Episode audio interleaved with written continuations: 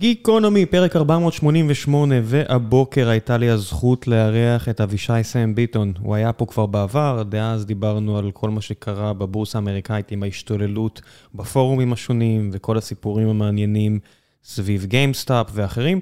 הפעם דיברנו על המטאוורס ועל קריפטו ועל משחקים שמשלבים בין השניים ועל הכלכלות שצומחות ועל הפיליפינים.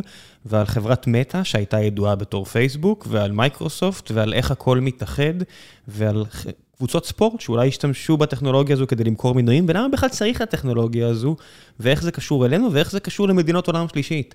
בקיצור, שלל נושאים, והיה לי מרתק לדבר איתו, אני מקווה שתפיקו מזה איזשהו ערך, אני בטוח שהיו אה, שם אה, אי דיוקים כאלה ואחרים, תקנו אותי, אני אשמח... אה, להחכים וללמוד, זה נושאים שגם מאוד מעניינים אותי וגם אני מקווה שיפתחו פה דיון. אני סך הכל מנסה להביא את הטייק אה, שלי, את הזווית שלי על הדברים האלו, מאיפה שאני יושב. ולפני שנגיע לפרק עצמו, אני רוצה לספר לכם על נותני החסות שלנו. והפעם, נותני החסות שלנו זה פודקאסט אחר, פודקאסט בשם מפלגת המחשבות מבית אבי חי, פודקאסט מאוד מומלץ שעוסק באחד הנושאים האהובים עליי, וזה הפוליטיקה בחברה הישראלית. ישראלים חיים, מדברים ונושמים פוליטיקה.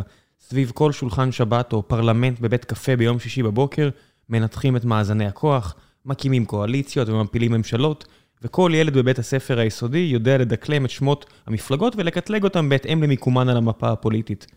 דוקטור מיכה גודמן ואפרת שפירא רוזנברג, שני אנשים שמכירים את הפוליטיקה הישראלית מכל צדדיה, ואחראים לפודקאסט המעולה הזה, הוציאו כבר לא פחות מ-20 פרקים שעוסקים בחרדים, בממשלת נתניהו, בציונות הדתית, ברב קוק ובשלל נושאים אחרים.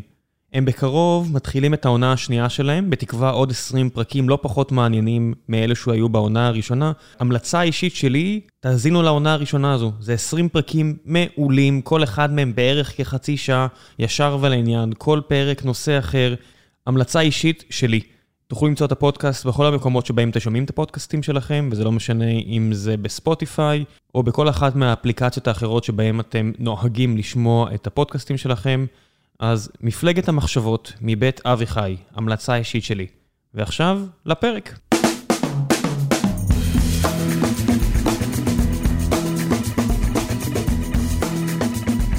גיקונומי, פרק 488, והבוקר יש לי הזכות לארח שוב את אבישי סם ביטון, מה העניינים? מה קורה ראם? בוקר טוב.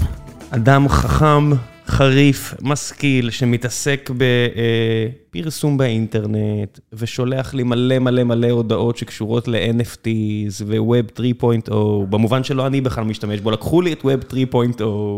אה, אני רציתי לדבר על Creator Economy.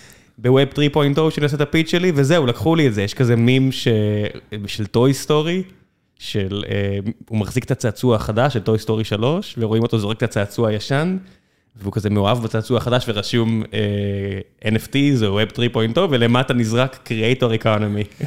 אה, תשמע, טוענים שה-NFT נוצר עבור ה-Creator Economy, ואיכשהו ה-NFT הפך להיות הכוכב של הסיפור, ו... כן. הקריאטור צריך לעבוד בשביל ה-NFT, ומסתבר, not the other way around. כן, כדי לנפח את הבועה הזו יגידו הכל, אתה יודע, אין בעיה, אנחנו נגיד מה שאנחנו רוצים כדי לשכנע את העולם ש-NFT פותר בעיה אמיתית.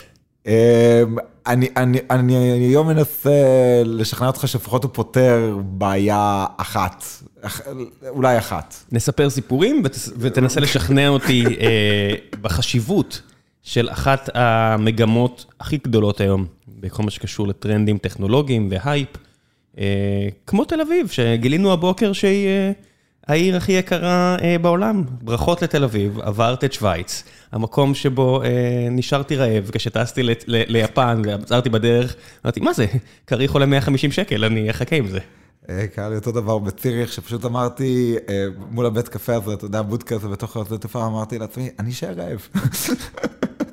כן, גם, לא, האמת שאנחנו אה, קנינו איזה משהו עלוב כזה, ואתה מסתכל, אתה אומר, לא יכול להיות שזה כזה יקר, ואז אתה נוחת בטוקיו, ואתה אומר לך, אה, פה יקר, ואז אתה אומר, אה, שטויות, אנחנו מגיעים מתל אביב, הכל זול. אתה מכיר אגב איך עובד שיטת הדוחות בשוויץ? זה נהדר. אחוז מההכנסה. אחוז מההכנסה, אז אם אתה מולטי מיליונר, הדוח חניה שלך יכול להגיע לעשרות אלפי דולרים. כן, יש, אני לא זוכר איזה נהג פורמולה אחד, קיבל דוח מהירות של איזה 150 אלף אירו. נהדר.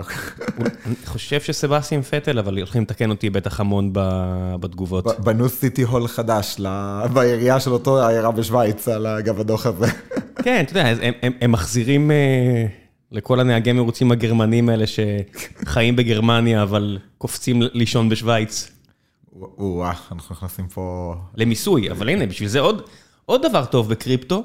לא צריך לשלם מס, וכל עוד אתה לא עושה כלום, וכל עוד אתה לא קונה קבוצת כדורגל, כל עוד אתה לא מושך תשומת לב, הכל בסדר. אז אני יכול לספר לך שבארצות הברית הרגולטורים התחילו לעבוד סוף סוף, אחרי שנים שמדברים שהדבר הזה לא regulated, אני בעצם לא יכול כתושב לשעבר של מדינת ניו יורק לרכוש קריפטו, אם אני לא מאמץ את עצמי באמצעות תעודת זהות ודרכון, ומה שולח תמונה לברוקרג'ים שמוכרים את הקריפטו.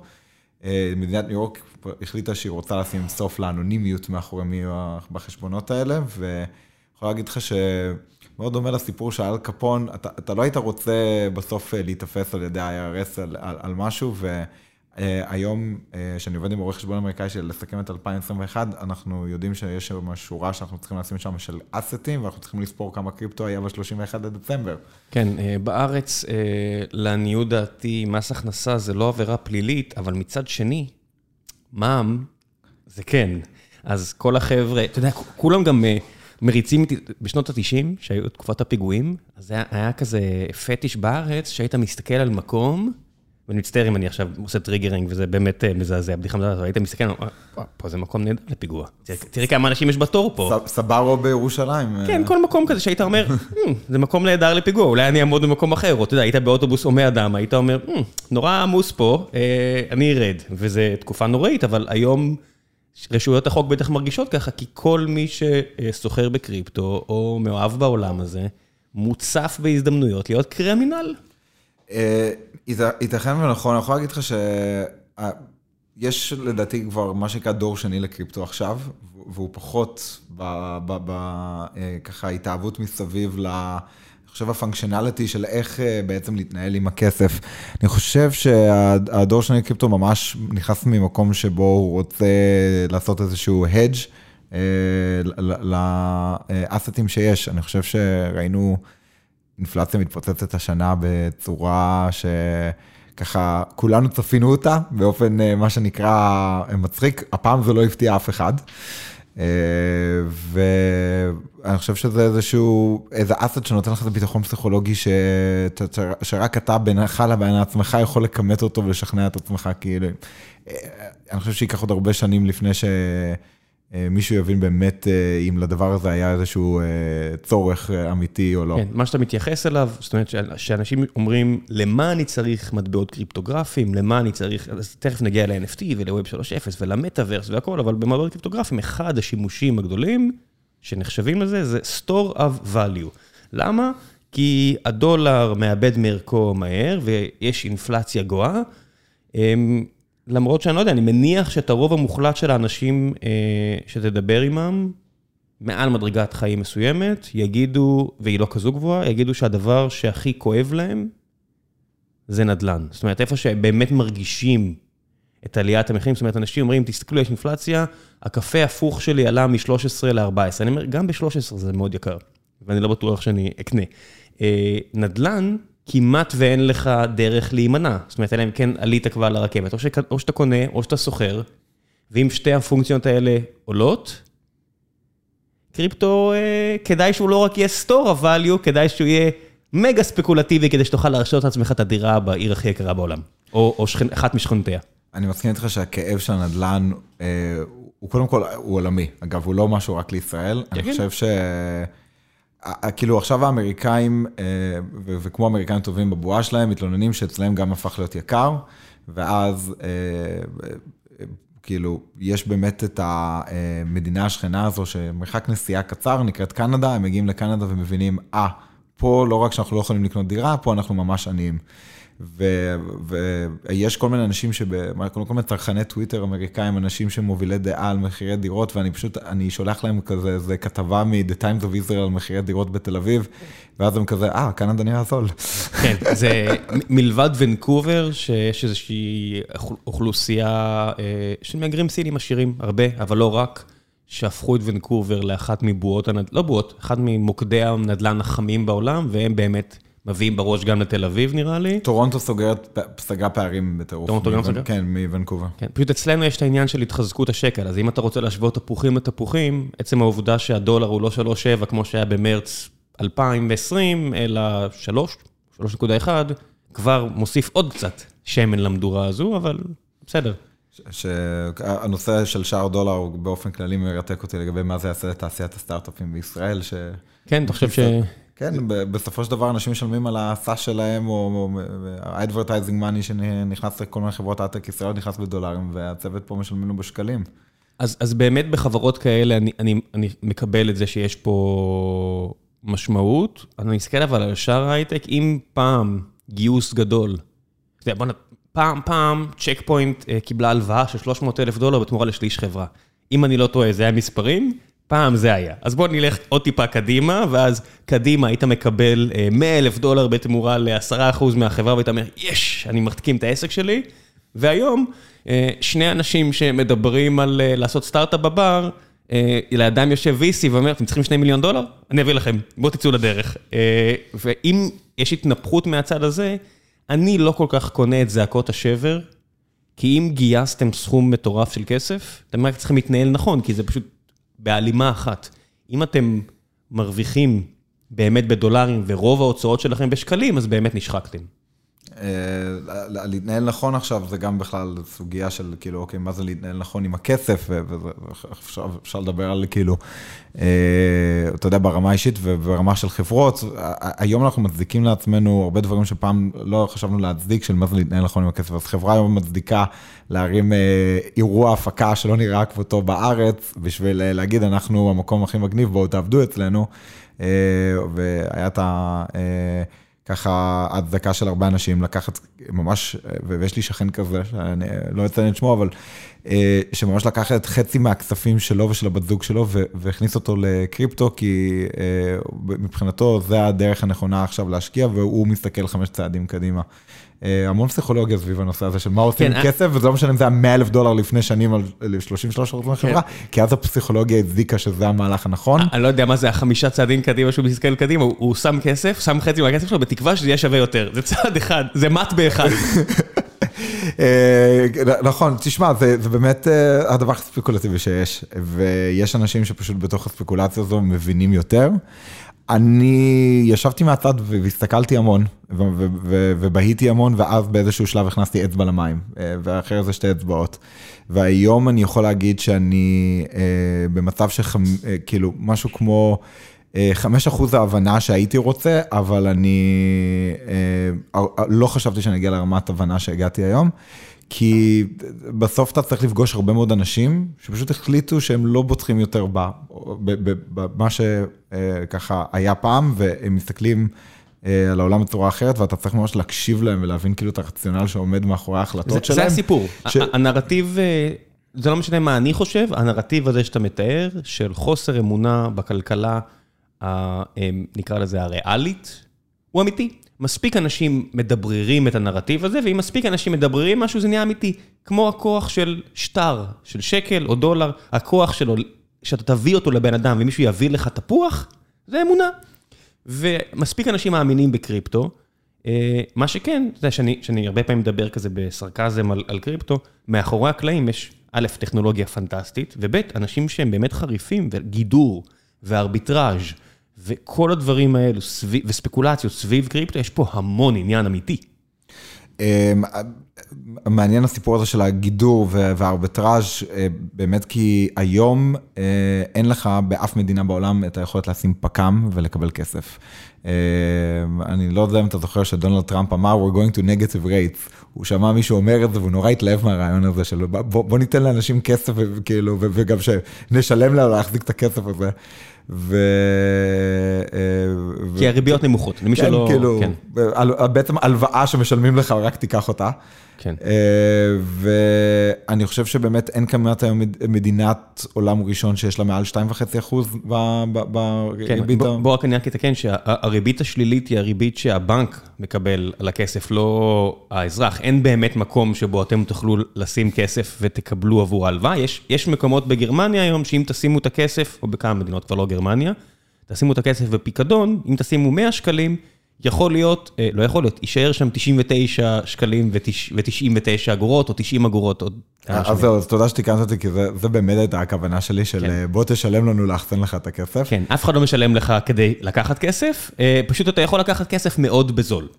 אה, ובעצם מה שעכשיו קרה זה שנפתח שוק שהתחיל כולו במאות ואלפי אחוזים של אה, ריביות עבור הכסף שלך, פשוט הכסף הזה הוא כסף שאף מדינה לא מכירה בו, אבל אה, יכול להיות קבוצת דיסקורד של 300 אלף אנשים מאמינים באמונה שלמה שלדבר הזה יש ערך.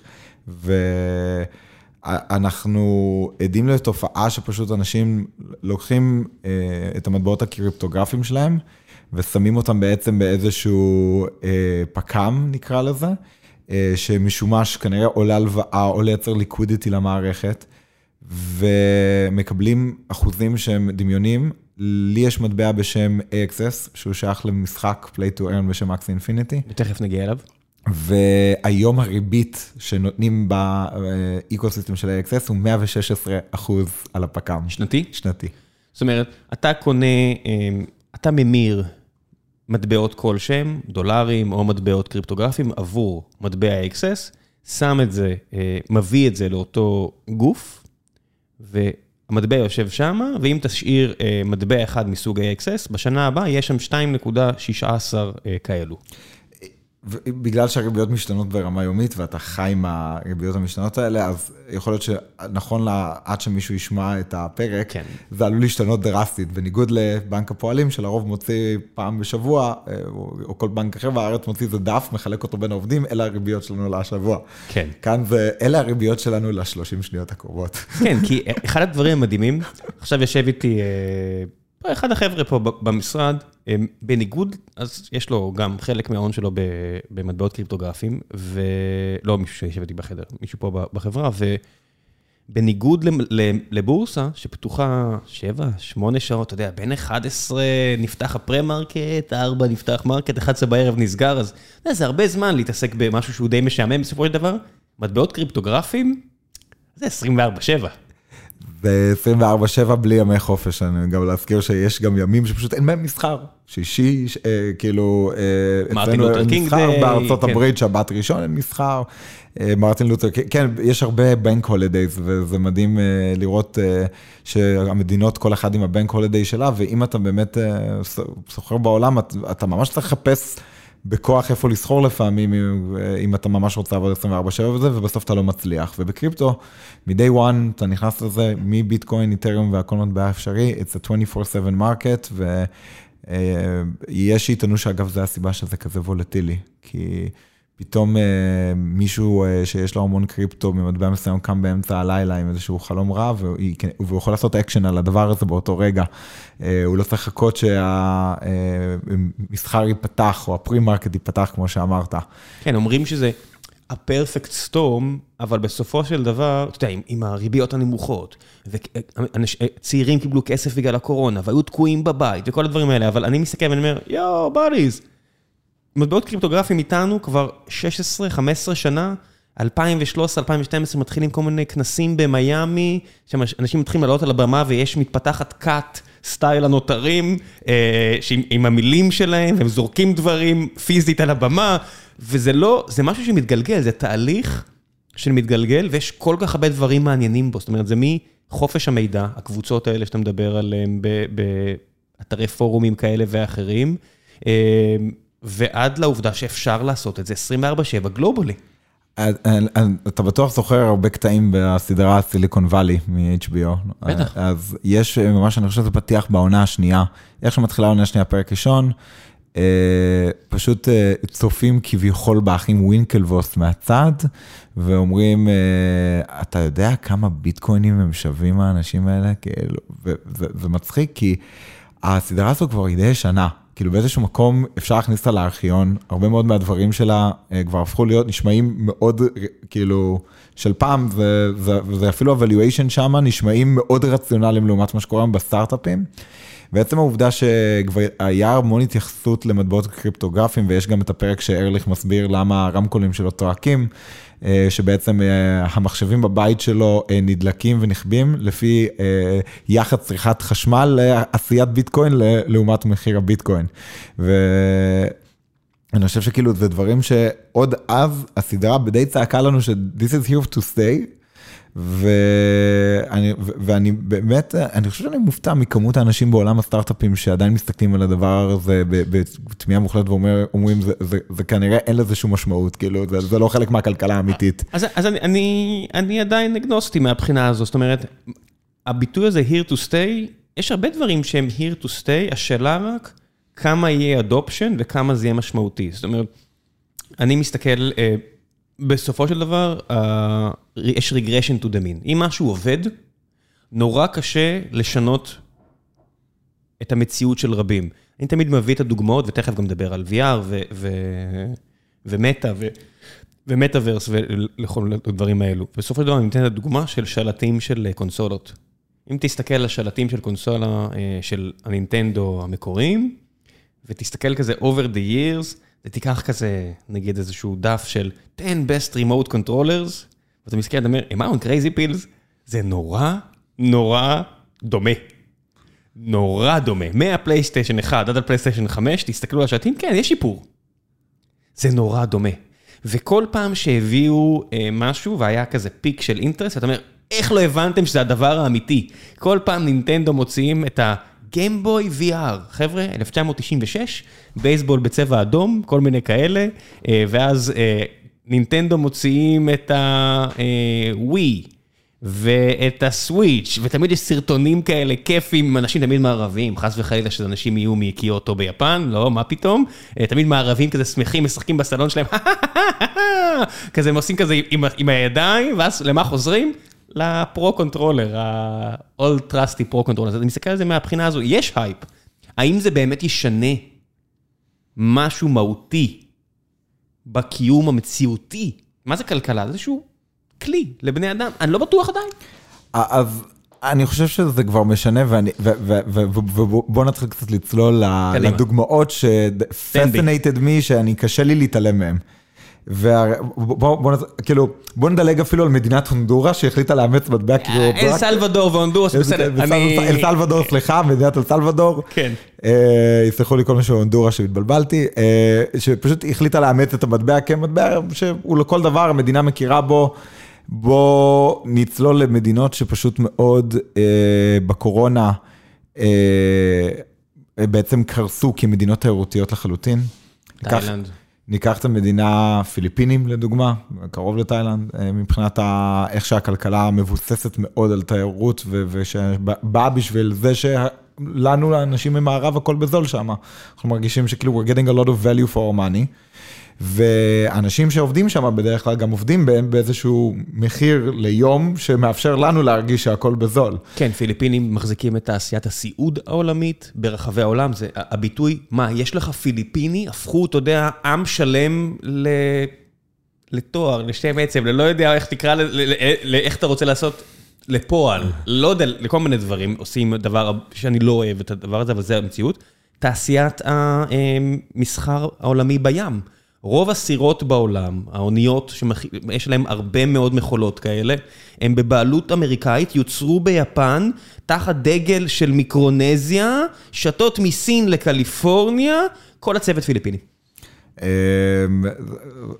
זה יכול להיות פרק שלם על נושא של דגלים בים על אוניות. עזוב, אחורה, אחורה, אחורה, אחורה, כן. פיליפינים. אז הפיליפינים אה, בעצם, אה, בוא נגיד ככה, גם הפיליפינים המשכילים לא מרוויחים הרבה בלשון המעטה אה, ביחס לבמה העולמית של האנגלית הטובה שלהם, ובסך הכל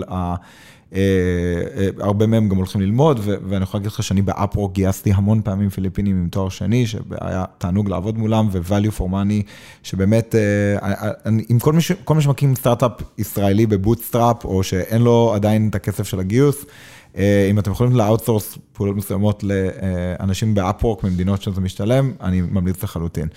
ובכל זאת, יש אנשים שמה שהם לא נועדו לשרת סטארט-אפים ב Upwork, ואנשים שעבדו בתחום התיירות ומלונות, או אנשים שבאמת עבדו פשוט בשוק המקומי של העיר שלהם, ויש ערים, ערי ענק בפיליפינים, שאנחנו לא מכירים את השמות שלהם, עם מאות אלפי אנשים, ובקורונה הערים האלה בעצם אה, קרסו טוטאלית.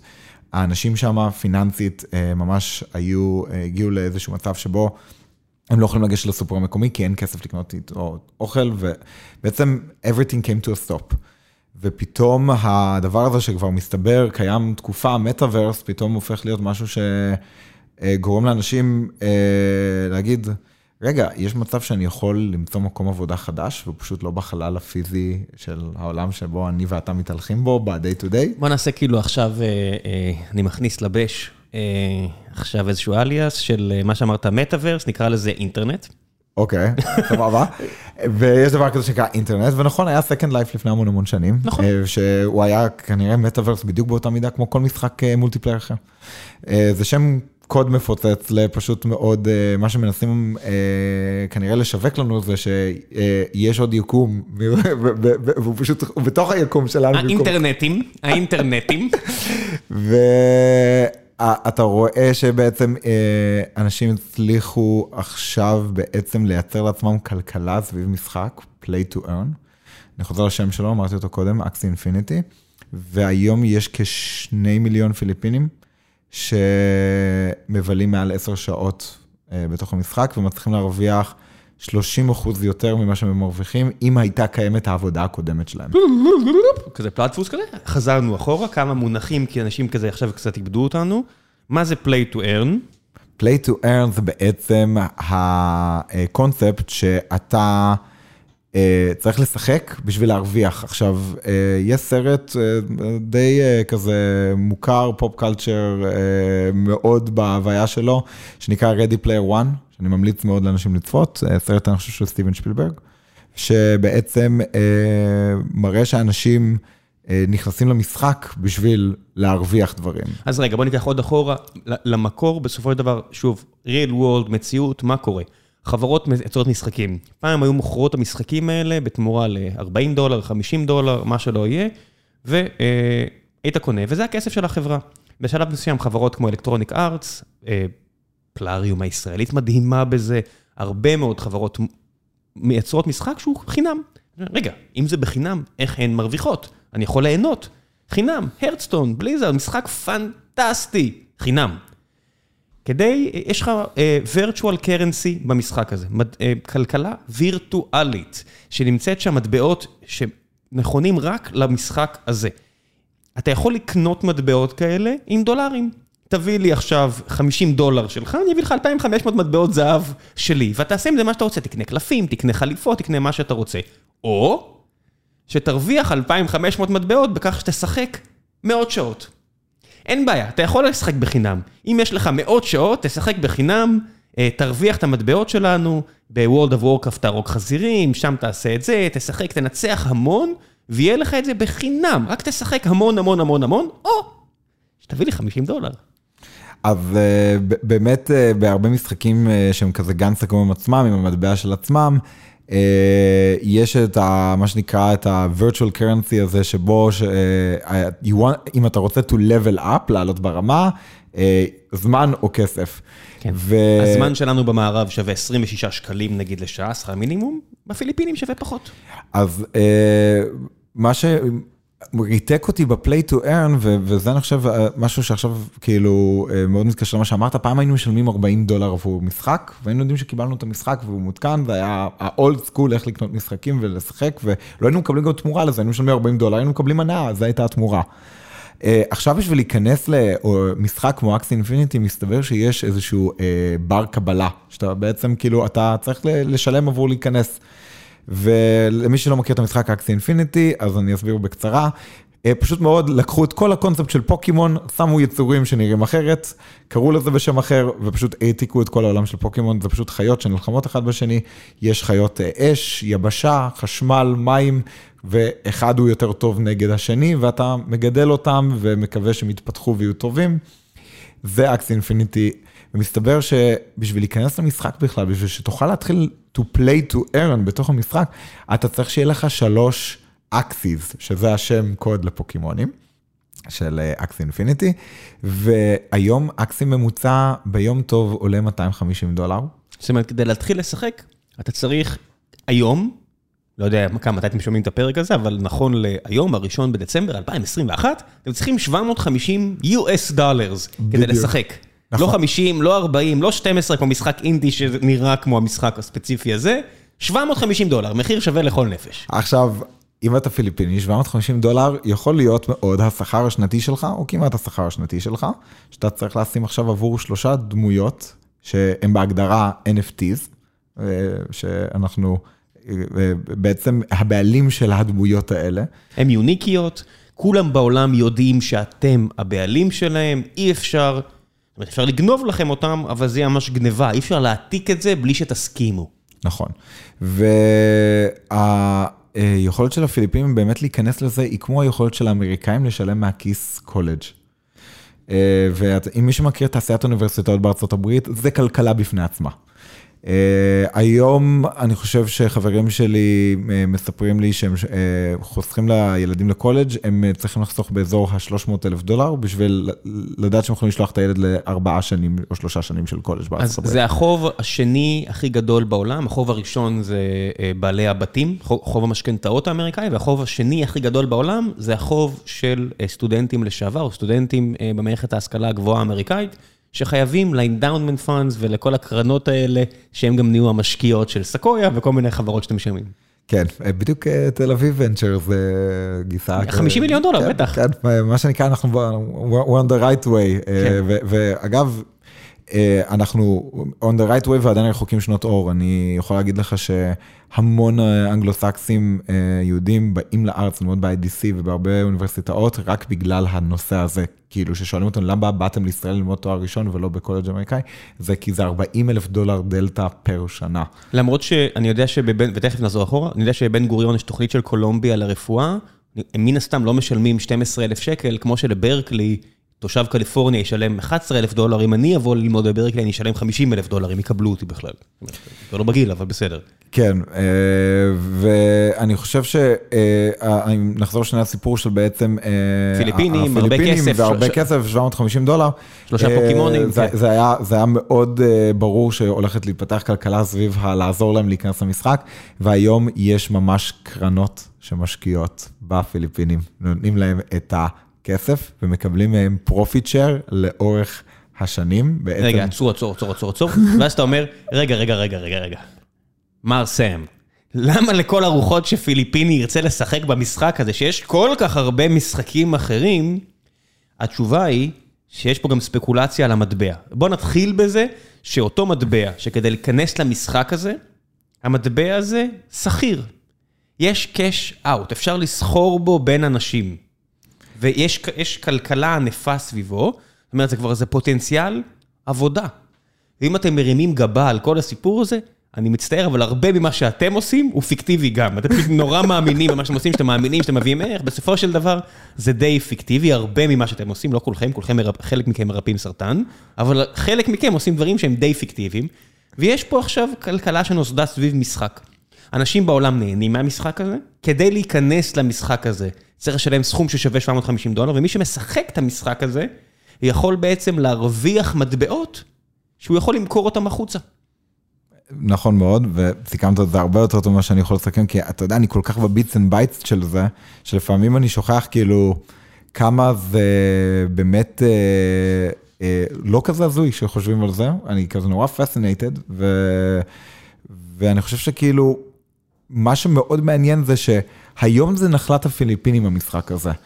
ככל שהמטבע עולה בשווי שלו, it creeps up, זה בעצם תופס עוד גיאוגרפיות שפתאום עברו את הסוג של ה-barrier, שממתי זה משתלם לעבור אותו בן אדם מאותו גיאוגרפיה לשחק. אז יכול להיות שבן אדם בארגנטינה, בדיוק מגיע לתפר, שממנו כבר שווה לו להתחיל לשחק במשחק. כן, סטודנט ישראלי שצריך כסף לשכר לימוד שלו, שאומנם הוא לא כמו בסטנפורד, אבל גם ללמוד בבן גוריון ולגור בבאר שבע, זה לא כזה זול, זה לא זול בכלל, זה קשה.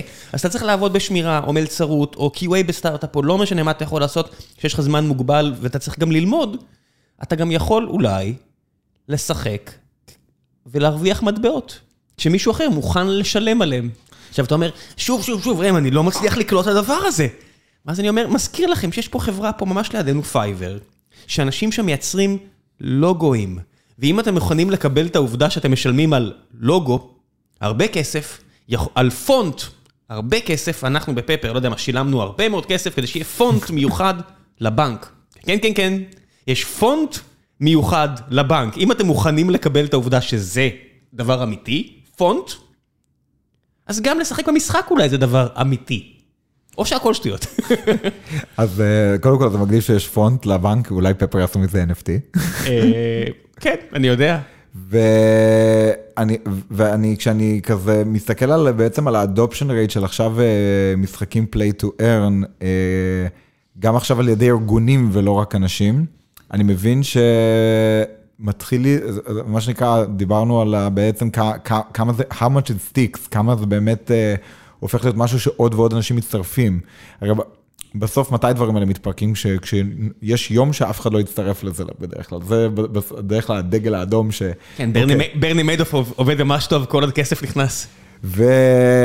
אנחנו היום 300 מיליון אנשים שמחזיקים בצורה כזו או אחרת איזשהו פורום של קריפטו, זה מספר שמה שנקרא רץ בין הידיעות, אתה יודע, כתבי עת הדיגיטליים המוכרים שלנו, פורבס, פורצ'ן, אקונומיסט וכאלה, לא יודע עד כמה המספר הזה הוא אמיתי, יכול להיות שהרבה ארנקים גם הם ארנקים כפולים של אנשים ברחבי הרשת. כמו מספר החשבונות בטוויטר, זה הרי מספר שהוא פיקטיבי לגמרי, ויש סיבה שהפסיקו לדווח עליו בדוחות. מה שנקרא, אני לא יודע כמה בוטים יש להם גם ארנק, ובאמת אני חושב שכאילו, עכשיו הולכת להיות איזשהו בעלה לזהב של משחקי play to earn, כי אנשים רואים שזה מאוד רווחי להקים כלכלה מאפס. כמה קל, תגנבו תמה של משחק פוקימון ותשמעו את כל השיחה עכשיו הכיפית בינינו, לי כיף, לא יודע אם לכם, והכל סבבה ותעשו את זה. ואז אני אומר לכם, לא, לא, לא, סעו להרצליה, תראו את החבר'ה של Plarium, או את החבר'ה של Moon Active, תראו איזה יופי, הם חברות סופר מצליחות ונהדרות, כמה קל להעתיק אותם, תנסו. ובאמת החברה שמאחורי Axie Infinity, רק לסבר את האוזן, השנה גדלה למעל מיליארד דולר בהכנסות, כשכל הכנסות החברה הם מלהיות חברת סליקה של היקום הכלכלי שהם הקימו. בעצם חברת משחקים סולקת 4% מכל טרנזקציה. זה מאוד דומה למספרים שאמריקן אקספרס לוקחים מהמאפייה שאתם אוהבים למטה מתחת לבית. בגלל זה אבל אין אמריקן אקספרס במאפייה, אתה יודע. בגלל זה המאפייה אומרת, אנחנו מוכנים לקבל הכל מלבד אמריקן אקספרס. ודיינרס, גם לא מוכנים לקבל דיינרס. וזה מדהים לראות שבאמת חברת משחקים מצליחה להיות בסיטואציה שבו היא... הופכת להיות חברת פינטק מאוד מהר. וצריכה כלכלנים, היא צריכה כלכלנים טובים. זאת אומרת, אני מכיר לפחות בן אדם אחד שהוא הרבה יותר חכם ממני, בסדר? והוא הרבה יותר משכיל ממני, ואחד מהדברים, והוא אפילו עובד באחד החברות המפוארות בארץ בתור משהו, צ'יף משהו, ואחד הדברים שהוא עשה בעברו, זה מומחה לכלכלה של משחקים. אבל למה יש דוקטור עד השם שלו? אנשים חכמים צריכים לנהל כלכלות, וזה לא משנה אם זה כלכלות בכאילו בגודל של ארצות הברית, או כלכלות בכאילו בגודל של משחק וירטואלי שבו משחקים פיליפינים כדי להרוויח כסף לאנשים במערב. אני כאילו בטוח שבאמת עומדים המון אנשים חכמים מאחורי הדבר הזה, כי אחרת זה היה מתפרק. יש איזשהו נושא שהוא מאוד דומה לעולם האמיתי שלנו, של כמה כסף מדפיסים. עכשיו, משחק, בדרך כלל, אתה יודע, היוצרים שלו, יש להם את ה... הם כל יכולים, הם אלוהים של היקום שהם הקימו. היו יכולים להדפיס מיליארד מטבעות כאלה. עכשיו, בטח עולה השאלה, אם מטבע כזה שווה 250 דולר, בואו נייצר, יש מאין, מיליארד מטבעות, עשינו 250 מיליארד דולר, יש לנו יותר כסף מלגוגל. כן, יש אלוהים אחד בארצות הברית שנקרא ג'יי פאול, וזה הולך לו טוב, בואו נעשה מה שהוא עושה. הולך לו טוב, הוא הולך לישון בלילה היום, אני לא בטוח שהוא אומר, יו, איזה טוב הולך לי. ואני חושב שכאילו בקלות מאוד אתה יכול לאבד את כל הבייס משתמשים שלך אם אתה לא מבין את הכוח שיש לך ביד. כי עכשיו באמת יש אנשים שנכנסים לאיזשהו משחק, וייתכן שלא ממירים את כל המטבעות שלהם לפיאט בסוף יום העבודה שלהם, של המשחק, ומתחילים לחסוך בעצם, וכמו ש... בספקולציה, ואולי שמים בפק"ם בשביל להרוויח במאה אחוז. ואתה מאוד מהר יכול לגרום לקריסה כלכלית של המון אנשים, שאני אומר כזה, אם אתה יודע, air quotes, סך הכל באו לשחק. השאלה אם באמת, הדבר הכי מדהים פה, זה שבסופו של דבר, זה משחק. בסופו של דבר, יש אנשים שמשחקים בשביל הכיף. אבל משחקים בשביל הכיף זה קצת כמו להגיד על שחקני NBA, שאתה יודע שאומרים, אני רק משחק בשביל הכיף. בטח! אתה נוסע 82 משחקים בשנה למלונות, לעיר שאתה אפילו לא יודע איפה אתה נמצא, תחת אינסוף לחצים, בשביל הכיף.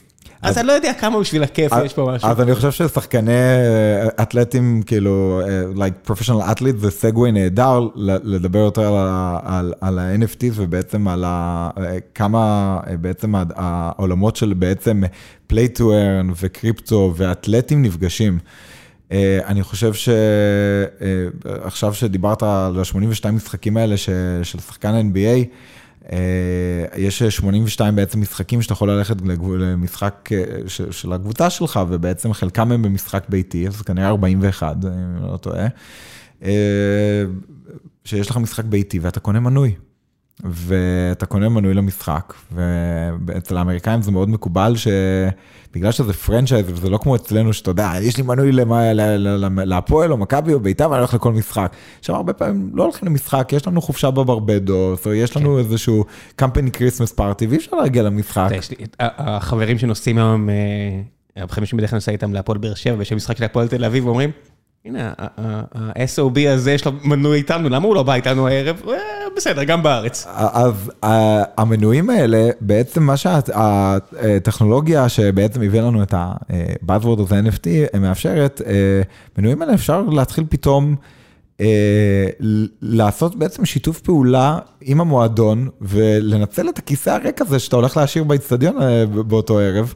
ולמלא אותו במישהו, ובפעולה די פשוטה, גם להחזיר לעצמך חלק מהערך של המנוי שאתה לא מנצל, ולתת למועדון להרוויח יותר.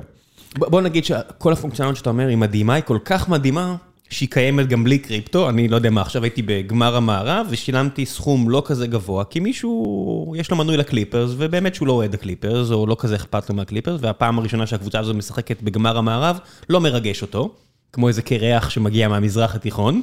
ויכלתי לקנות כרטיס במחיר שווה לכל נפש, באמת מחיר שהוא לא כזה גבוה, כי יש, כי יש מסחר, כי זה סחיר. כי יש StubHub ויש Ticketmaster ויש אלף ואחד חברות שיודעות לעשות מה שאתה אמרת עכשיו. אני מסכים איתך, אני יכול להגיד לך שהרבה פעמים קניתי דרך Ticketmaster, וקניתי גם דרך ספסר מחוץ ל Yankee Stadium, והרבה פעמים מישהו השאיר לי פשוט, אתה יודע, מתקשרים בטלפון לקופה ואומרים, חבר'ה, אני נותן את הכרטיסים של המנוי שלי היום כן. למישהו אחר. זה לא עובד מספיק, מה שאתה אומר זה שאו שזה לא עובד מספיק טוב, או שזה unregulated, או שיש מידלמן, ואתה אומר, הנה, יש פה אולי דרך להוריד את המידלמן, או לשנות את המידלמן. אני חושב שיש דרך לתת פתאום שליטה לדבר הזה, ממש בין המועדון לבין מחזיק המנוי, ולהוציא לחלוטין את המידלמנים האלה שאתה מדבר עליהם. יהיה עדיין מידלמן, כי יש חברה שתצטרך לעזור למועדון לעשות את זה, אבל כן.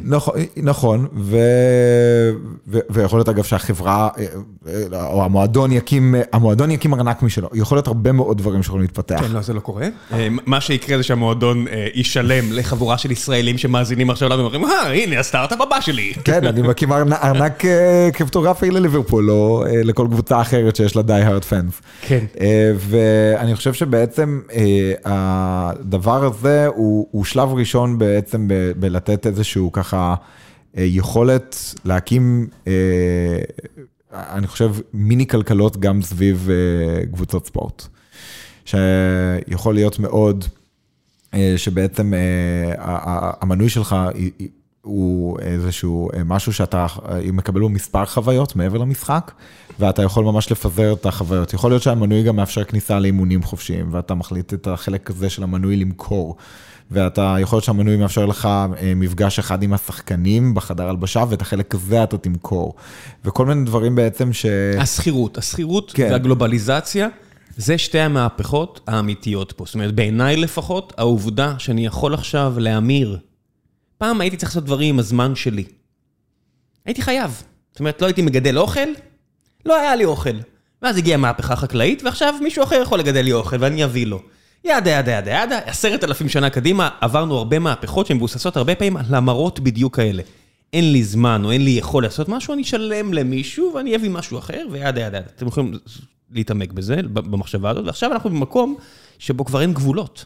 אני יכול עכשיו לשלם למישהו בפיליפינים, לעשות לי לוגו, ואולי לעשות שלל דברים אחרים כדי שאני אקבל איזשהו בנפיט, כי ככה. כי אני מייצר בנפיט למישהו אחר במקום אחר, אחרת זה לא עובד, נכון? נכון, ואני חושב שגם יש דברים שגם קשורים לזה שרגולציה לא מתקדמת מספיק מהר עם הצרכים שלנו. לא, זה לא... לרגולציה אין שום סיכוי פה. כן, הרגולציה לא מתקדמת מספיק מהר עם הצרכים שלנו, ולצורך העניין, בוא נגיד שדיברנו על לגדל אוכל, ויכול להיות שאתה רוצה עכשיו להיות אה, שותף בחווה, אבל חווה זה דבר יקר, ואתה לא הולך לנהל את זה, ואולי יש חברת ניהול שיכולה לנהל את זה, אבל אין מספיק אנשים אה, שיש להם את הסכום מינימום להיות אה, משקיעים כשירים מבחינת הרגולציה, אין מספיק אנשים שיש להם את הסכום מינימום, שצריך להקים איתו חטפי סביב לקנות את החווה הזו של לגדל את האוכל, ויכול להיות מאוד שדרך טובה, או דרך סבירה לעקוף את זה, היא באמצעות בחלוקת זכויות על החווה, אה, דרך בעצם הטכנולוגיות שמתפתחות היום מסביבנו, שנכון, יש המון בעיות לגליות סביב מה בעצם קיבלת, יש, קיבלת חלקה, אה, קיבלת טוקן בחווה, או קיבלת NFT שנותן לך זכות על אה, דונם שם, או משהו בסגנון הזה. כי יש באמת חלקים פיזיים שבאים לפעמים עם ה-NFT הדיגיטלי, אבל אני חושב שזה, בוא נגיד ככה, יהיו עוד הרבה אנשים שישרפו בדרך, יהיה הרבה כסף שיאבד, יהיה הרבה סכמים, אבל uh, בדיוק זה הסטארט-אפים שנוצרים היום בשביל לנסות למלא את החורים שהרגולציה לא מצליחה, ואת המקומות שבהם אנחנו נפגעים שאנחנו מתנסים בעולמות האלה. כן, כל הדברים האלה, אפשר לנהל הרבה דיונים מעניינים, ואנחנו אולי תכף גם נמשיך, ואז אנחנו מגיעים... כי זה לא מספיק, אתה יודע, הדבר הזה לא מספיק כדי לתחזק אה, הייפ בסדר גודל, זה, זה הייפ של מיליונים, או מיליארדים ספורים. אבל היה צריך לתחזק הייפ של חברות שקצת תקועות במקום. אז אה, בוא נוסיף גם חומרה לסיפור הזה, ו, ונגיד שבוא נשים קסדה על הראש שלך בזמן שאתה שם. ונקרא לזה מטא. אה, אני, אני קודם כל חייב להגיד שאני מחזיק במניות מטא, אני לונג מטא, ואז אני בייס. אה, זה לא, זה בטח לא חלק מספיק גדול מהקיום שלך כדי ש... או השיחה אותי בטח לא משפיעה על, על קמצוץ כן. קומצו של... אה, אני, אני חושב שמה שנקרא... אה, יש איזשהו כזה, יש הרבה דוגמאות מהשנים ש, של מייקרוסופט מנסה להשתלט על, על כל מיני תחומים, ופשוט מאוד זורקים את המיטב הכסף ומיטב המוחות וכושלים בצורה, מה שנקרא, מפוארת, כישלון מפואר. טלפונים. משחקים. כן, ונהנינו מהצד לראות את מייקרוסופט כושלת, כאילו, כי... בוא נגיד ככה, סטיב בלמר לא היה מישהו שהסתכלנו עליו בהערצה ברחבי העולם. כן, קליפרס, חיברנו את הכל. כן, ואני חושב ש... במטא יש היום קצת ממה של מייקרוסופט של לפני 20 שנה, שכולם רוצים לראות את מטא נכשלת. אני לא, לא חושב, אני חושב שהרבה אנשים שאוהבים את העולם הזה של ה-VR, בסופו של דבר, אתה לא יכול רק עם רצון טוב וגראז' לפצח את העניין הזה, כי פה יש חומרה.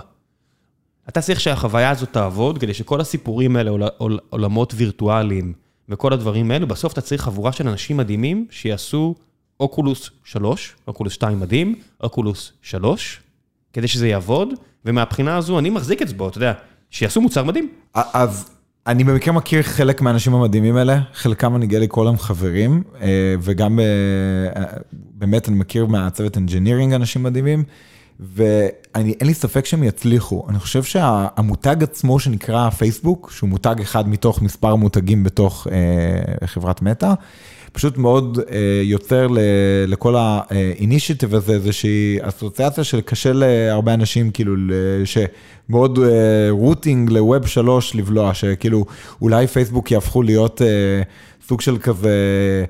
אה, ארגון שבאמת אה, יהיה קשה לסמוך עליו בווב 3, או שארגון שבעצם אה, חודר לפרטיות כבר בתוך העולם של המטאוורס, ואני חושב שמי שבאמת לוקח שנייה להקשיב לפחות איך הם מתארים את זה, גם ביום של ההשקה, אני חושב שבפייסבוק עברו הרבה תהליכי, באמת עברו הרבה תהליכי התבגרות והבינו שאי אפשר לשלוט בהכל A to Z, וצריך להפוך להיות באיזשהו מקום פלטפורמה קצת יותר פתוחה, ואני נהנה לראות בתוך האוקולוס איך המשחקים שאני מוריד משחקים, וכאילו, אני מהשנייה שנכנס לאפליקציה ב Oculus, אני שוכח מזה לחלוטין מזה שיושב לי על הראש מוצר לא, של לא רק משחק, אפליקציות. בוא, כן. כמו שאתה יודע, ההבדל בין אפליקציות למשחקים, זה בדיוק ההבדל בין חברה של מיליארדים לחברה של טריליונים. אפל, ה App Store התחיל עם שטויות. כן. ושינו את העולם בדיוק בגלל שזה לא רק שטויות או משחקים, זה לא רק תעשה ערפל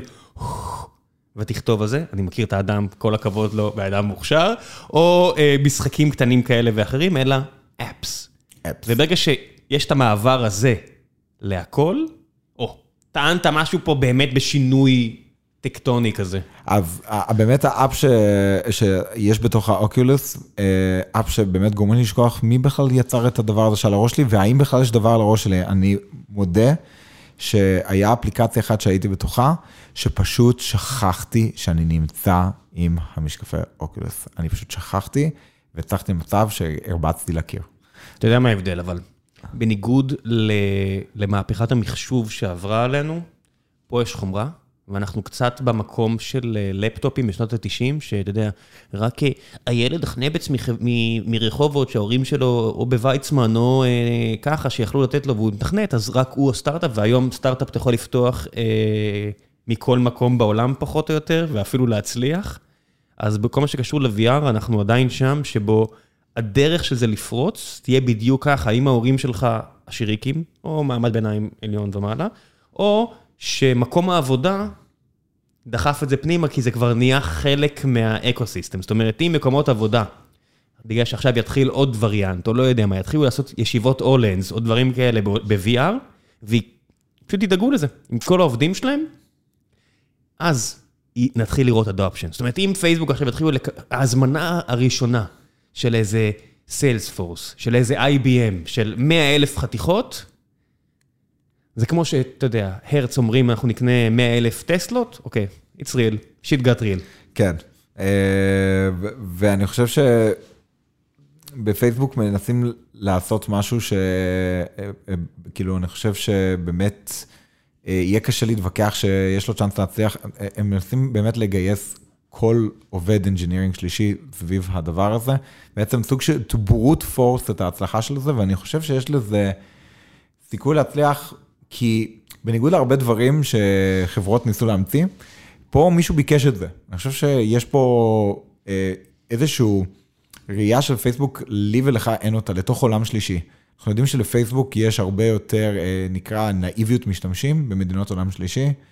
אה, ויש הרבה יותר adoption rate במדינות עולם שלישי, אני חושב שכאילו האחוז האנשים שמשתמשים בפייסבוק בארצות הברית היא יחסית נמוכה אה, לעומת אה, נגיד כל מיני מדינות שבהם, אה, שכמו שדיברנו, כמו הפיליפינים. פייסבוק גיימינג, בעולמות התוכן של StreamElements, אני יכול להגיד לך, ל live streaming נגיד, שאנחנו כבר לא רק שם, אבל בכל מה שקשור ל live streaming, Twitch, dominant player מספר 1, YouTube Live מביאים פייט, מזנבים, Facebook Live, כן כן, בדרום, בדרום מזרח אסיה, וייטנאם, במלזיה, בכל המקומות האלה, יש לך Facebook Gaming.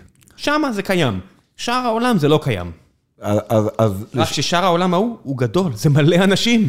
זהו, זה מלא אנשים ויש הרבה חברות ש... אה, אה, זה תחום המומחיות שלהם, ואחת יושבת בארץ, באזור התשלומים, קוראים לה פיוניר, ויש אה, פייסבוק שהתחום המומחיות שלה בסושיאל מדיה לחבר בין אנשים, היא באמת יותר חזקה במדינות האלה. יכול להיות שלפייסבוק יש ממש את היכולת to sway an election במדינה כמו בנגלדש או במקומות כאלה. ואני חושב שהמטאוורס באמת יוכל להשפיע על אנשים שם, וכמו שאמרת, האדופשן רייט פה יהיה באמת רק עם חברות ויתחילו להגיד all hands ובואו כולנו נתחבר ל-VR, או באמת עם חברות משחקים של השורה הראשונה יתחילו להשקיע ולשפוך כספים עבור משחקי VR. דבר שאני לא רואה קורה כזה מהר, אני חושב שעדיין יש המון דברים, אמרת על איך ייראה האוקיולוס הבא.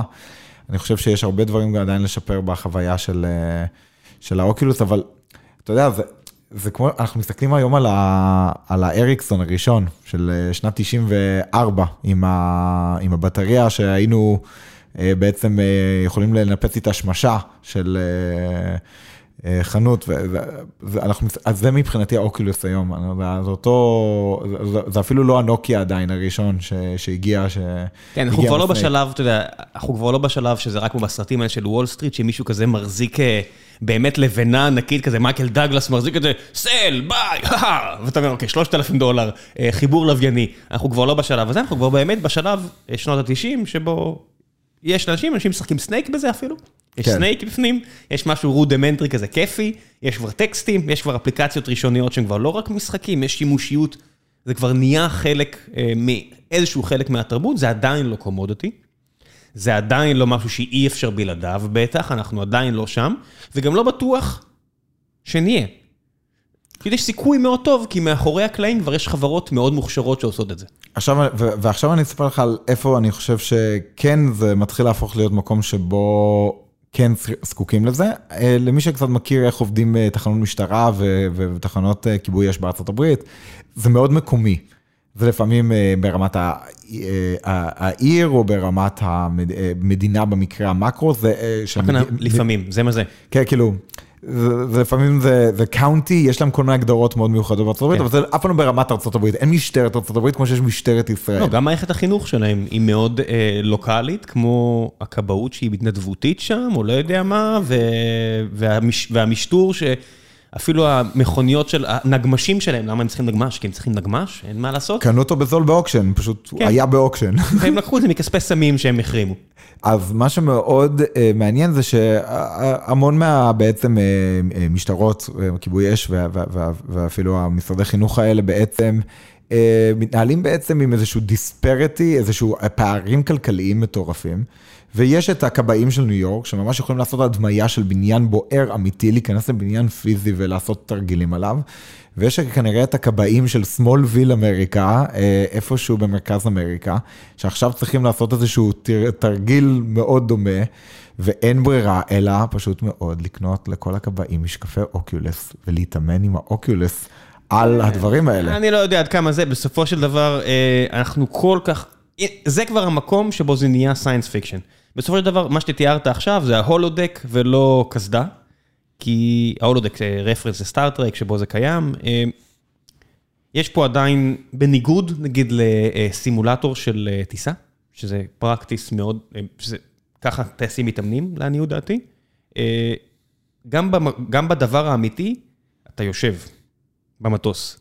אז זה בסדר שאתה תראה דרך הקסדה הפנסי או דרך הקסדה השנייה, בסדר, דרך הקסדה של אלביט או דרך הקסדה של מטא, בכיבוי אש זה עבודה פיזית.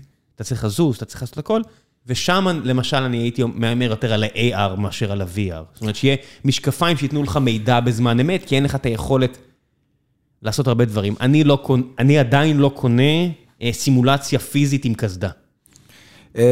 אני חושב שה-AR פשוט עדיין רחוק מלספק בדיוק את ה... ועדיין אני רואה אותו יותר קרוב מאשר...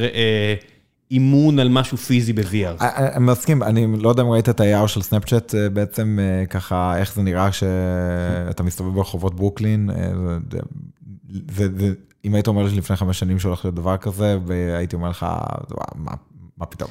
כן, מהחברות הטכנולוגיות הכי מגניבות, שאנשים לא מבינים עד כמה טכנולוגיה מגניבה יש בחברה הזו. זהו, היא מאוד underrated, ואני חושב שהולך להיות, לדעתי לפחות, איזשהו, תקרא לזה מלחמה של VR מול AR, סנאפצ'אט מול פייסבוק, כאילו מה יותר מעניין, לראות דברים שמייצרים לנו את הטכנולוגיה בעולם האמיתי. אוגמנטד ריאליטי, שכבה כן. מעל המציאות, או כן. להחליף את המציאות. כן, ואני חושב שזה מאוד יהיה תלוי, אה, עוד פעם חזרה לגיאוגרפיות. יהיה מדינות שמאוד, נרצ... אה, אנשים ירצו להתנתק מהמציאות, ובכל מיני מקומות שכנראה less fortunate מבחינה כלכלית, אה, less fortunate מהרבה בחינות של איכות חיים, במקומות שהאיכות חיים גבוהה, שם אני רואה את ה-AR יותר משתלט, בעצם כי...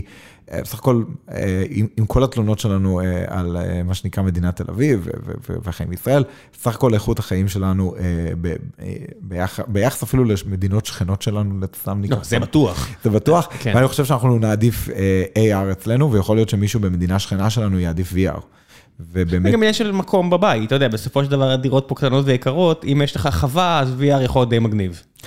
אה, האמת היא שאחד הדברים שאני חושב שיכול להיות מאוד מעניין, זה באמת עם מה יקרה שהיום שלנו יהיה באמת שילוב של שניהם טוטאלי, אה, משהו קצת מדע בדיוני, שבעצם AR יהפוך להיות חלק בלתי נפרד מהיום, אתה לא ניגש לכיור של הבית או לאוכל שלך בפינת אוכל, בלי שאתה לובש איזשהו משקפי AR כלשהם. שלא יודע, אולי מנטר כל מיני נתונים בריאותיים לגבי עצמך, או, או, או, או נותן לך כל מיני נוטיפיקציות שפעם היו נחלט להרים את הראש לתוך הפלאפון. וה-VR יהיה בעצם איזשהו סשן כזה ש, שעושים אה, בתוך היום, ואיפשהו, כנראה אולי חוץ מלישון, אה, לא יהיה איזשהו שלב שהטכנולוגיה לא ילווה אותנו. עכשיו, זה כן. לא באמת רחוק מהיום שאנחנו עם הסמארטפון ביד לפעמים. כן, זה שם, אנשים הולכים לישון עם הסמארטפון, קמים עם הסמארטפון, זה שינה את המציאות לגמרי. זה פשוט, הקפיצה הייתה יחסית, זאת אומרת, השינוי הוא משמעותי, אבל הקפיצה בממשקים הייתה מספיק קטנה כדי שזה יקרה. VR אני עדיין לא שם, כל מה שקשור למטאוורס, במובן של עוד שדרוג על האינטרנט והורדת חסמים וכל הדברים האלה, פשוט עניין של הגדרות, כי בשלב מסוים אתה מרגיש שמורחים אותך ב...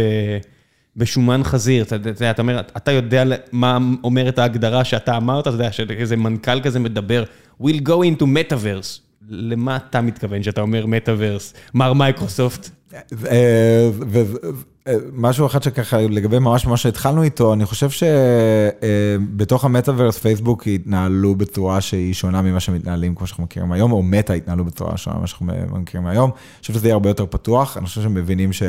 it takes a village, וצריך להזמין המון אנשים לפתח דברים, ואני חושב שזה אה, יהיה ניסיון אה, מוצלח יותר ממה שהיה להם עם עולם המשחקים. אתה זוכר, פעם היה הרבה משחקים בפייסבוק, היה FarmVille וזה כן, היה... היה בכלל אפליקציות, הרי היה... קיימברידג' אנליטיקה לא נולדה יש מאין, היא נולדה כי כל מי שרצה לקחת מידע מה-APIים של פייסבוק, זה היה די פרוץ ופתוח, פשוט המחיר של הפרטיות הפך להיות מאוד מאוד גבוה. נכון, ואני חושב שיהיו הרבה מתחרים מעניינים למטא, וזה יעשה טוב למטא, ואני חושב שהמתחרים יהיו סביב אה, חברות שהן בנויות קצת אחרת, וזה חברות שבעצם נקראות אה, DAO, DAO, אה, Decentralized Autonomous Organizations, שזה בעצם ארגונים שנוצרים עכשיו בעצם באמצעות כל הטכנולוגיות שדיברנו עליהן, והטכנולוגיות... פה אני שוב מרים את הדגל של הסקפטיות, זאת אומרת, באמת, אתה רואה בדוגמה, יש דברים שכסף נותן, פרטיות. למשל, בניגוד לקריפטו שזה כאילו פרטיות, פשוט אנחנו עדיין לא יודעים לעקוב אחרי זה.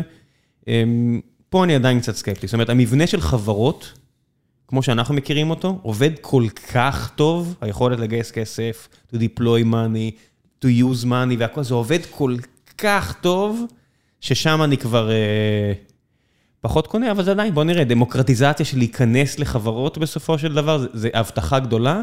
אני פשוט לא יודע מה האינטרס של הפאונדרים לקחת את הכסף הזה. אז בוא ניקח את אקסי אינפיניטי כדוגמה, ואני יודע שאנחנו ממש עושים להם פרסומת פה. לא, בכיף, אין לנו רגולציה.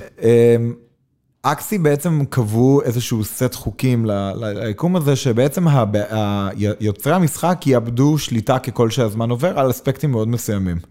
ואני חושב שזה מסוג הדברים שיוצרים עוד אדופשן, בטח בהארדקור גיימר שבאים באמת לחיות את החיים שלהם בתוך המשחק. שמבינים שככל שהזמן עובר, יותר שליטה עוברת לידיים שלהם. עכשיו אנחנו יודעים שנושא של שליטה גם מול אה, ממשלות וכל מיני, ואזרחים מול הממשלה שלהם ומול העיריות שלהם וזה, זה הרבה פעמים עניין של אה, תפיסה, של פיקציה, ואומרים לך, הנה עכשיו זה בידיים שלך, אתה יכול לבחור איפה הפנסיה שלך. ואז נוצרים סט של צרות אחרים שלא לא, לא ביקשת אותם. ויכול להיות שבאמת תושבי המשחק, שהמשחק מבוסס על ארגון שהוא דאו, וימצאו את עצמם בסיטואציה של, עזבו, אנחנו לא רוצים לקבל את ההחלטות הקשות, קחו את הכוח בחזרה. כן. אבל אני חושב שב...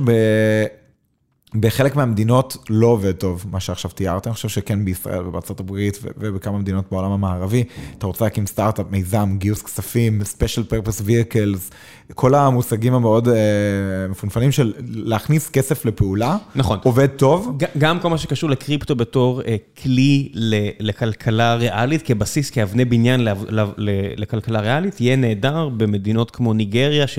תוך שנים ספורות, 2050 תהיה כבר המדינה עם האוכלוסייה השלישית בעולם, והן רחוקות שנות הור ממה שאנחנו רגילים אה, בתור כלכלה מתפקדת, ואתיופיה שלא מפסיקה לגדול מבחינת אוכלוסייה, ומצרים, והם יצטרכו כלים. אז אני לא הייתי בלאגוס אף פעם שבניגריה. מעט יכול להסתכל על כמות הניגרים שיש. אבל חבר, עובד גוגל, היה בלאגוס, וסיפר לי שהוא נדהם לראות שכמו שבסין יש את WeChat שהוא סוג של ה operating system של החיים שלך בעצם. כן, כן, כמה משקיעי הטובים ביותר, כן. ובלאגוס, למיטב הבנתי, ואם מישהו יודע שאני טועה, שיגיד אחרי זה בתגובות או משהו, הבנתי שוואטסאפ הוא ה operating system שחיים עליו בלאגוס. פייסבוק בעצם השקיטה את כל הסיפור של ליברה וקריפטו בכל המדינות שבהם יש סנאטים ותקשורת מערבית, אבל היא מתקדמת עם זה לתוך המדינות העולם השלישי בשביל לאפשר לאנשים את היכולת להעביר תשלומים, ממש ככה דרך האפליקציות שלהם, ואני חושב שעוד פעם, יכול להיות מאוד שהקריפטו יכול להיות בא לפתור באמת בעיה במדינות גיאוגרפיות מאוד ספציפיות. כאן הוא יכול להיות, במקומות כמו ישראל, ארה"ב, הוא יכול להיות לייר מאוד מעניין, לעשות דברים שאפשר לחיות בלעדיהם, אבל אולי אפשר לחיות טיפה יותר טוב איתם. כן, המלך אף פעם לא היה צריך אה, רפורמות. אני אספר לכם, המלך בימי הביניים אף פעם, למה אני צריך דמוקרטיה? ההמצאה, למה אתה חושב שזה יעבוד?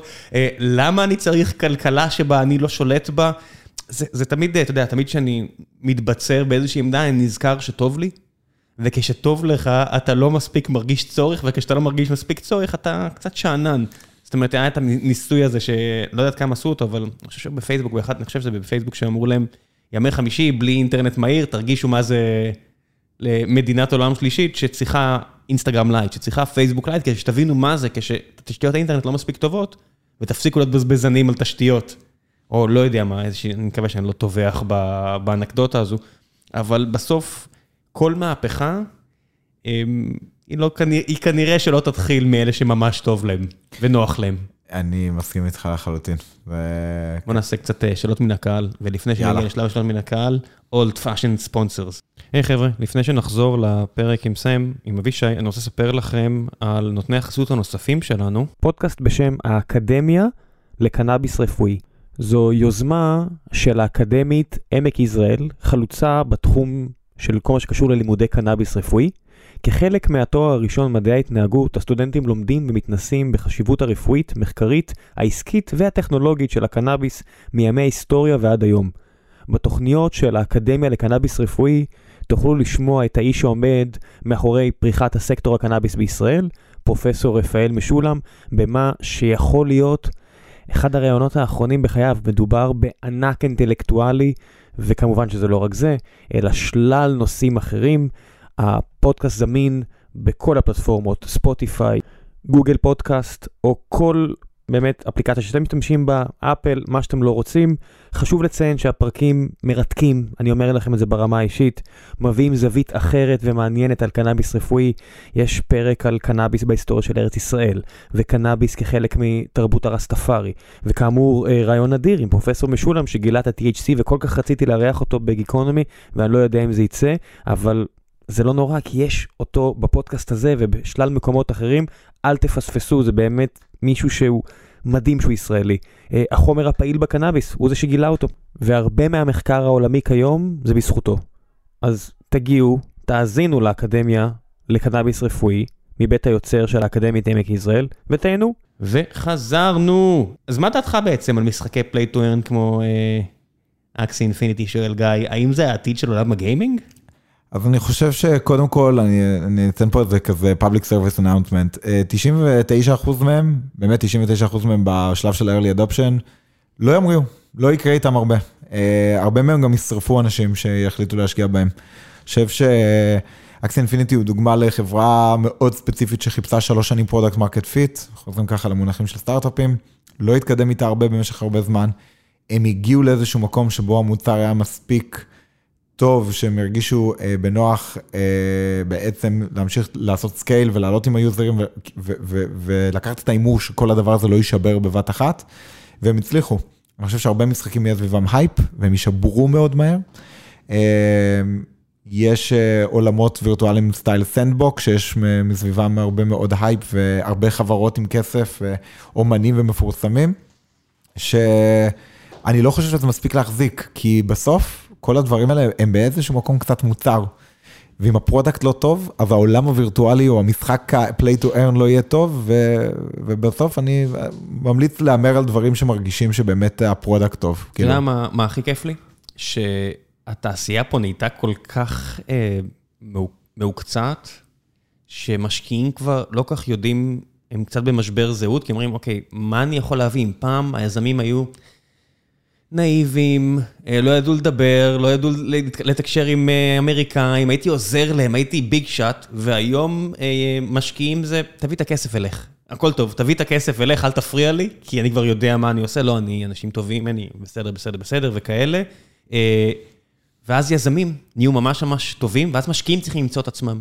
והיזמים נהיו כל כך טובים, שהיום אתה מדבר עם, אה, כמו שאלון חורי מנקסט אינשורנס היה כאן, הוא אומר, מה אכפת לי מרעיון? אני יודע איך להרים חברה. אז אנחנו יושבים, מצאנו ביטוח, עבדנו, ראינו שזה עובד, הרמנו חברה על תפארת, 7 מיליארדים, הכל טוב, ננצח. ואז מגיע יזם חדש, או משקיע שמרגיש שקצת הוציאו אותו החוצה, וצריכים למצוא עולמות תוכן חדשים.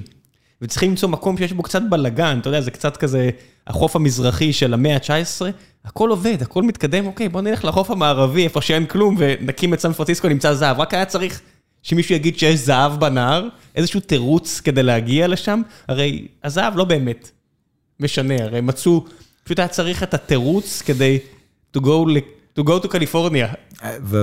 אני חייב לתת איזשהו משפט על הדבר הזה, בסוף מי שפתח את הסלון ואת המלון כן. ליד המחיר זהב, הרוויח יותר מכל האנשים ביחד שרצו כשהכריזו יש פה כן, זהב. כן, זה האנקדוטה הידועה הזאת של אה, אל תקרא זהב, תמכור אה, פיקס. וכאלה, אבל בסופו של דבר, זה אנקדוטה, בסוף אתה צריך להבין גם תהליכים סוציולוגיים גדולים, שאני בכלל, אני מדבר עם משקיעים ואומרים, מה אני עושה עכשיו?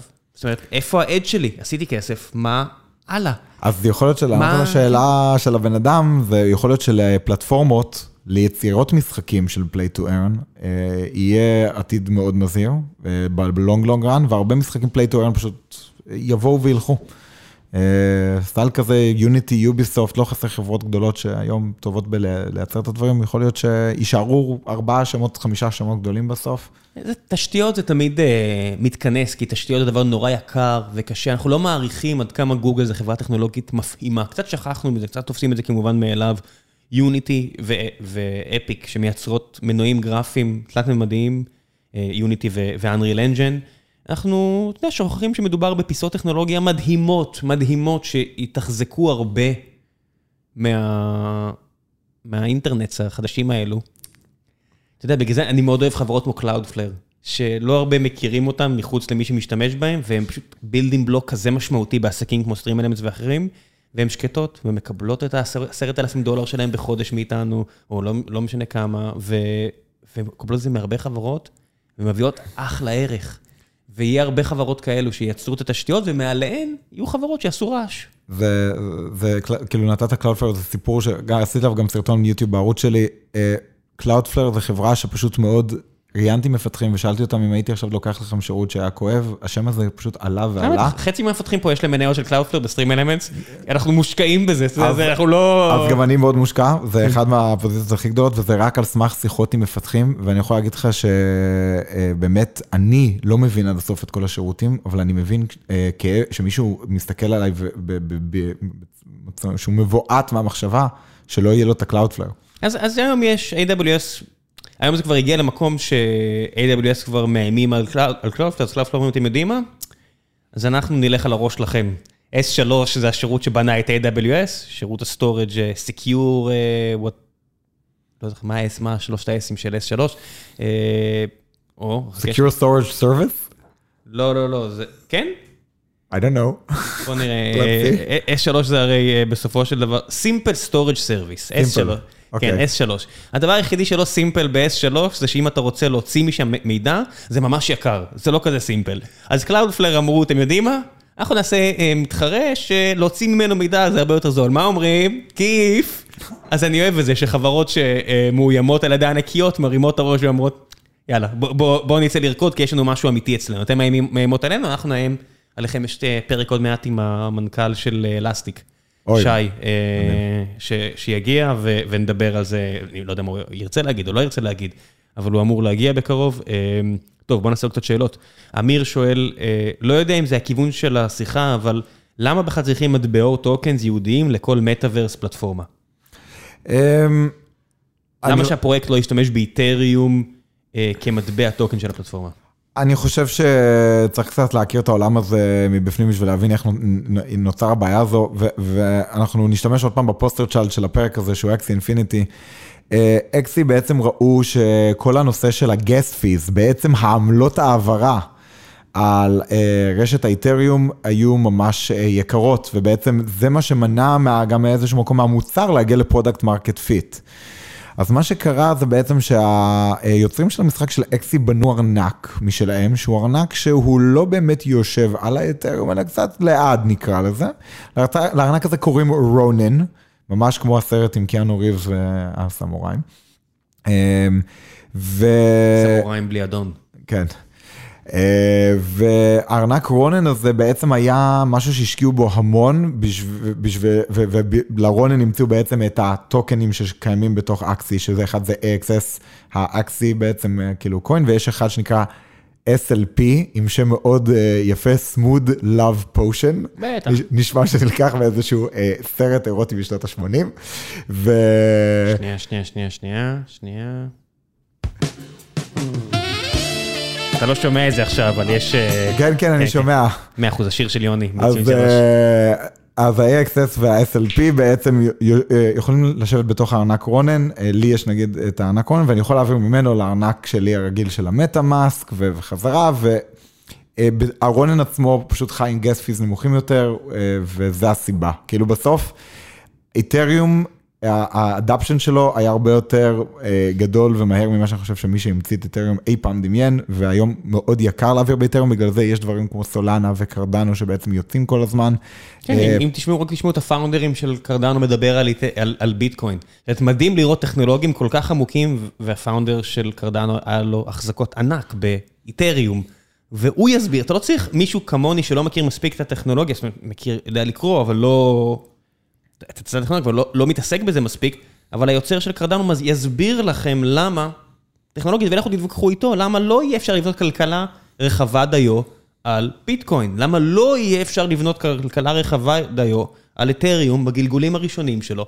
ובסופו של דבר, זה עניין של כוח. כמו כל דבר בשיחות האלה, זה עניין של כוח. יוצרים של כל אחד מהעולמות הנפרדים האיים האלה רוצים את היכולת להדפיס כסף, ליצור עוד מטבעות עבור עצמם ועבור הכלכלה הזו, כמו הבעיות תמיד של האיחוד האירופי וכל מקום אחר שבו אתה לוקח מאנשים את הכוח הזה להדפיס כסף, להדפיס דרחמות כדי למחוק חוב, כדי לשלם על כבישים, כדי להרוויח כסף למדינה, זה כוח, זה משחקי כוח. למה שלא יהיה מטבע אחד to rule them all? כי זה בדרך כלל מה זה אומר, זה החברה הכי גדולה, גרמניה, תהיה הכי חזקה לעומת החברות הקטנות בשוק. לא יכולתי להסביר את זה יותר טוב. אז כן. אה, כן, יש פה אלמנט של כוח. אה, עמית שרון שואל, כיצד אתה רואה אה, שחקני מפתח כמו Sandbox, האם אלה בעצם הרשתות החברתיות, ה online stores של העשור הקרוב? אז דיברנו על Sandbox מקודם, זרקנו ככה שיש הרבה סלבים וחברות בתוך זה. אני חושב שלא חסר פרויקטים ברחבי ההיסטוריה של האינטרנט, שהרבה שמות גדולים עמדו מאחוריהם, ולא קרה עם זה כלום. ואני חושב ש Sandbox בסוף יימדד עד כמה ה product טוב, אני באמת חו- חוזר על זה בכוונה בשביל שזה ייכנס, הדבר, כל העולמות הווירטואליים האלה כביכול. בסוף זה הרבה שורות קוד, ואם מישהו אה, בנה את המוצר הזה כשהוא חשב על ה-users in mind ועשה אלפא כמו שצריך, ואפיין בעצם את הצרכים של המשתמשים שהיה חסר להם, והמציאו פיצ'רים שבאמת נדרשו, לא עשה אה, מניפולציות פיננסיות בתוך הדבר הזה שעלולות לפגוע במשתמשים ולהטיב עם היוצרים. אם מישהו ימלא את כל הצ'קבוקס האלה, אז יבואו אנשים, כי זה לא מספיק רק לבנות את זה, צריך לבנות את זה טוב. ואני חושב שכל אחד מהעולמות האלה הם מאוד דומים לעולם של הסטארט-אפ. יש איזשהו... אה, שלב שבו יש לך איזשהו early adapters, ואז אתה צריך להבין האם אני חברה שיכולה להגיע לסקייל, או האם אני עולם וירטואלי שיודע להגיע לסקייל, ופה הכל נמדד בסקייל. ומי שמכיר, גם בעולם הזה את הסטארט-אפים, יש הרבה חברות שגייסו עשרות מיליונים ואפילו מאות מיליונים, ולא הצליחו להגיע לסקייל, ואני חושב שלסנדבוקס יש חובת הוכחה אם הם יודעים להגיע לסקייל, ויכול להיות שהם לא ומישהו אחר כן, ויכול להיות שהם כן והם יהיו בלופרינט לאחרים שיבואו אחר כך. אז מקווה שעניתי מבלי... מבלי להיכנס יותר מדי, יש פה כל מיני דברים... כן, מבלי, בלי, מבלי לתת למישהו עכשיו, אה, אני לא רוצה לקחת אחריות על מישהו שיהמר על Sandbox בגללי, זה, זו הכוונה. כן, אין לנו אה, באמת היכולת או הגושפנקה המוסרית או בדיוק. האישורית. אל, אל תבואו, אין פה שום המלצה על כלום. חשוב או, מאוד. או אי המלצה. אנחנו לא financial advisors, ומה כן, שנקרא, לא. כל מה שאנחנו אומרים הוא לחלוטין אה, דעתו, דעתנו בלבד. גיל אומר, האם ניתן לדמיין אירוע שיהווה הוכחה שהקונספט של אחת התופעות האלה נכון? מה יהיה הרגע ההיסטורי שישכנע את הספקנים לקבור את התחום?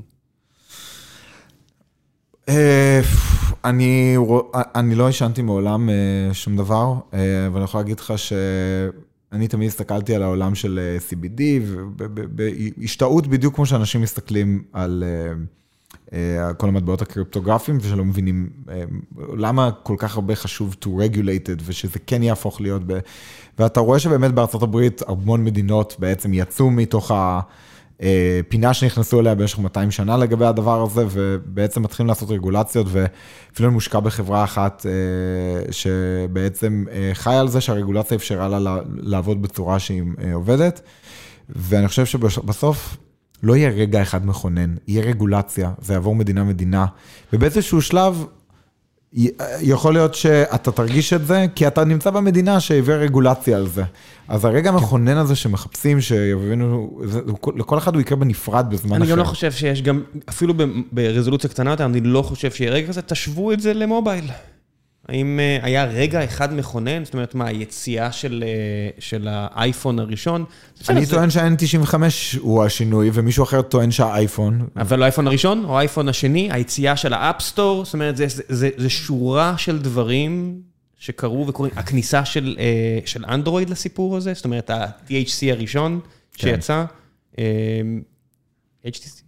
HTC הראשון. אז, אז אני חושב שזה... הקנאביס כן. שלך בלבל אותי. אז אני, אז אני חושב שזה... לכל אחד יהיה רגע מכונן קטן פרטי משלו שהוא יבחר, והוא ידע להסתכל על זה רק ב hindsight. זו תשובתי. כפיר כחלון, אה, היות וכרגע כל הפרויקטים מאוד מורכבים וקשים לגישה, למי שאינו חי בפורומים השונים, איזה פרויקטים שאתה מכיר שעובדים על הנגשות התחומים האלה לצורך לציבור הרחב ולאימוץ בסקייל עצום? אז אה, דיברנו בהתחלה על זה שאנחנו לא מדברים מספיק על ה-Creator Economy. פה ה-Creator אה, Economy נכנס להצלה. יש אינדיבידואלים רבים, גם ביוטיוב, גם בטיק טוק, שמסבירים ומנגישים את המידע. עכשיו, אני חושב שאם יש משהו אחד ש... על, על זה נבנים חברות כמו סטרים אלמנט, אה, אני חושב שאנשים ספציפיים בחדר עם אוזניות ומיקרופון, לפעמים יכולים לעשות את העבודה יותר טוב מקונצרנים גדולים, בטח שזה בא לדברים שלפעמים אה, אה, פשוט חייבים להסתכל מהצד לפני שמתחילים איתם. אה, וזה נכון למשחקי מחשב לפעמים, זה נכון לפעמים לטוטוריאלים לדברים מורכבים אה, בעולם הזה של קריפטו. אז אני חושב שכל אחד ימצא לעצמו את האנשים שהוא רוצה לעקוב אחריהם ביוטיוב, אה, שמנגישים את ה step by step של איך עושים כל דבר. אני יכול להגיד לכם שאני באמת רק מיוטיוב למדתי 95% ממה שאני יודע, בכל מה שקשור לפעולות actionable, ו... זה, זה, זה מאוד מורכב כשמסתכלים על זה בבלוג פוסט. אני לא ממליץ ללמוד אה, את זה מבלוג פוסטים, כי בטקסט זה נראה מאוד מורכב. כשמישהו משתף מסך ומלווה אתכם עם הקול שלו, זה חוויה אחרת. אז לכן אה, להימנע מפוסטים ארוכים שמסבירים איך עושים, שם בדרך כלל אה, מתייאשים וסוגרים את החלון של המחשב. אוקיי, המלצות מהצד שלך, דברים שקראת, ראית, שמעת. אני, חוש, אני חושב שההמלצה שלי, שהיא קצת המלצה מסוכנת, היא שבאיזושהי קונסטלציה, אני חושב שכל אחד חייב לעצמו להחזיק באיזשהו אופן משהו מהפיסת עולם הכביכול חדשה. קחו שחטה, מה יקרה? כן. אני זוכר אה, שרעד לי הידיים כשקניתי את הביטקוין הראשון. זה היה ממש לפני אה, שנתיים לדעתי. ממש רעד לי הידיים. אה, כרגע כל ביטקוין שווה יותר מ-50 אלף דולר, אז בהחלט זה לא משהו שלקנות ביטקוין שלם יהיה טריוויאלי לרוב המוחלט של אנשים. נכון, ואני חושב שככל שהתקדם הזמן והבנתי, אה רגע, לא צריך לקנות ביטקוין אחד שלם, אפשר בכלל לקנות אותו בפירורים.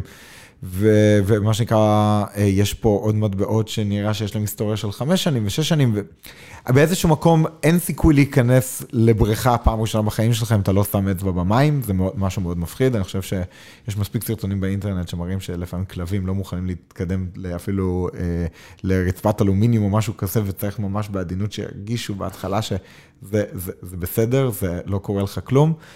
צריך לעשות, וכל אחד שיבחר מה הסכום שמתאים לו. אני יכול להגיד לכם שאני ממש ישבתי על הספה עם הבת זוג שלי לפני שבועיים, ופשוט אמרתי לה, בוא נקנה 100 דולר במטבע קריפטו כלשהו, ופשוט פתחנו את הפלאפון ועשינו את הפעולות ביחד.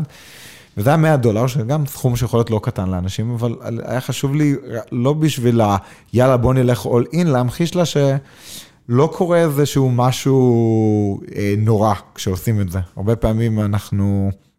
אה, לפעמים בטוחים ש...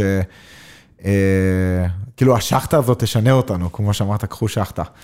אה, אני עדיין חושב שאני מסתכל על כל הדבר הזה כזה כמאוד ספקולטיבי, אני חושב שזה דבר שפשוט, הוא יותר מעניין. אין מה להסתכל על זה, להגיד לא ספקולטיבי, זה ברור שזה ספקולטיבי, כן. כל דבר שהשווי שלו יכול, אוקיי ככה, זה כמו שלואי סי קיי אמר, אני רוצה להרזות, מספיק כדי שאם אני אמות מחר לא יגידו, אה כן, ברור. אה, כזה, אה, או להגיד, אוקיי, זה הגיוני, אתה יודע, שזה יהיה הפתעה, אז אם יש לכם איזשהו נכס שמחר יכול לעלות ב-500 אחוז, או ב-100 אחוז, או בחילופין לרדת ב-80 אחוז, זה ספקולטיבי. אוקיי, אין פה If it walks like a duck, walks like a duck, וזה נראה כמו, ואתה יודע, זה ברווז, זה ברווז. אין פה... לחלוטין, ואז אה, אני מסכם את ה... ככה, את המונולוג הזה ב...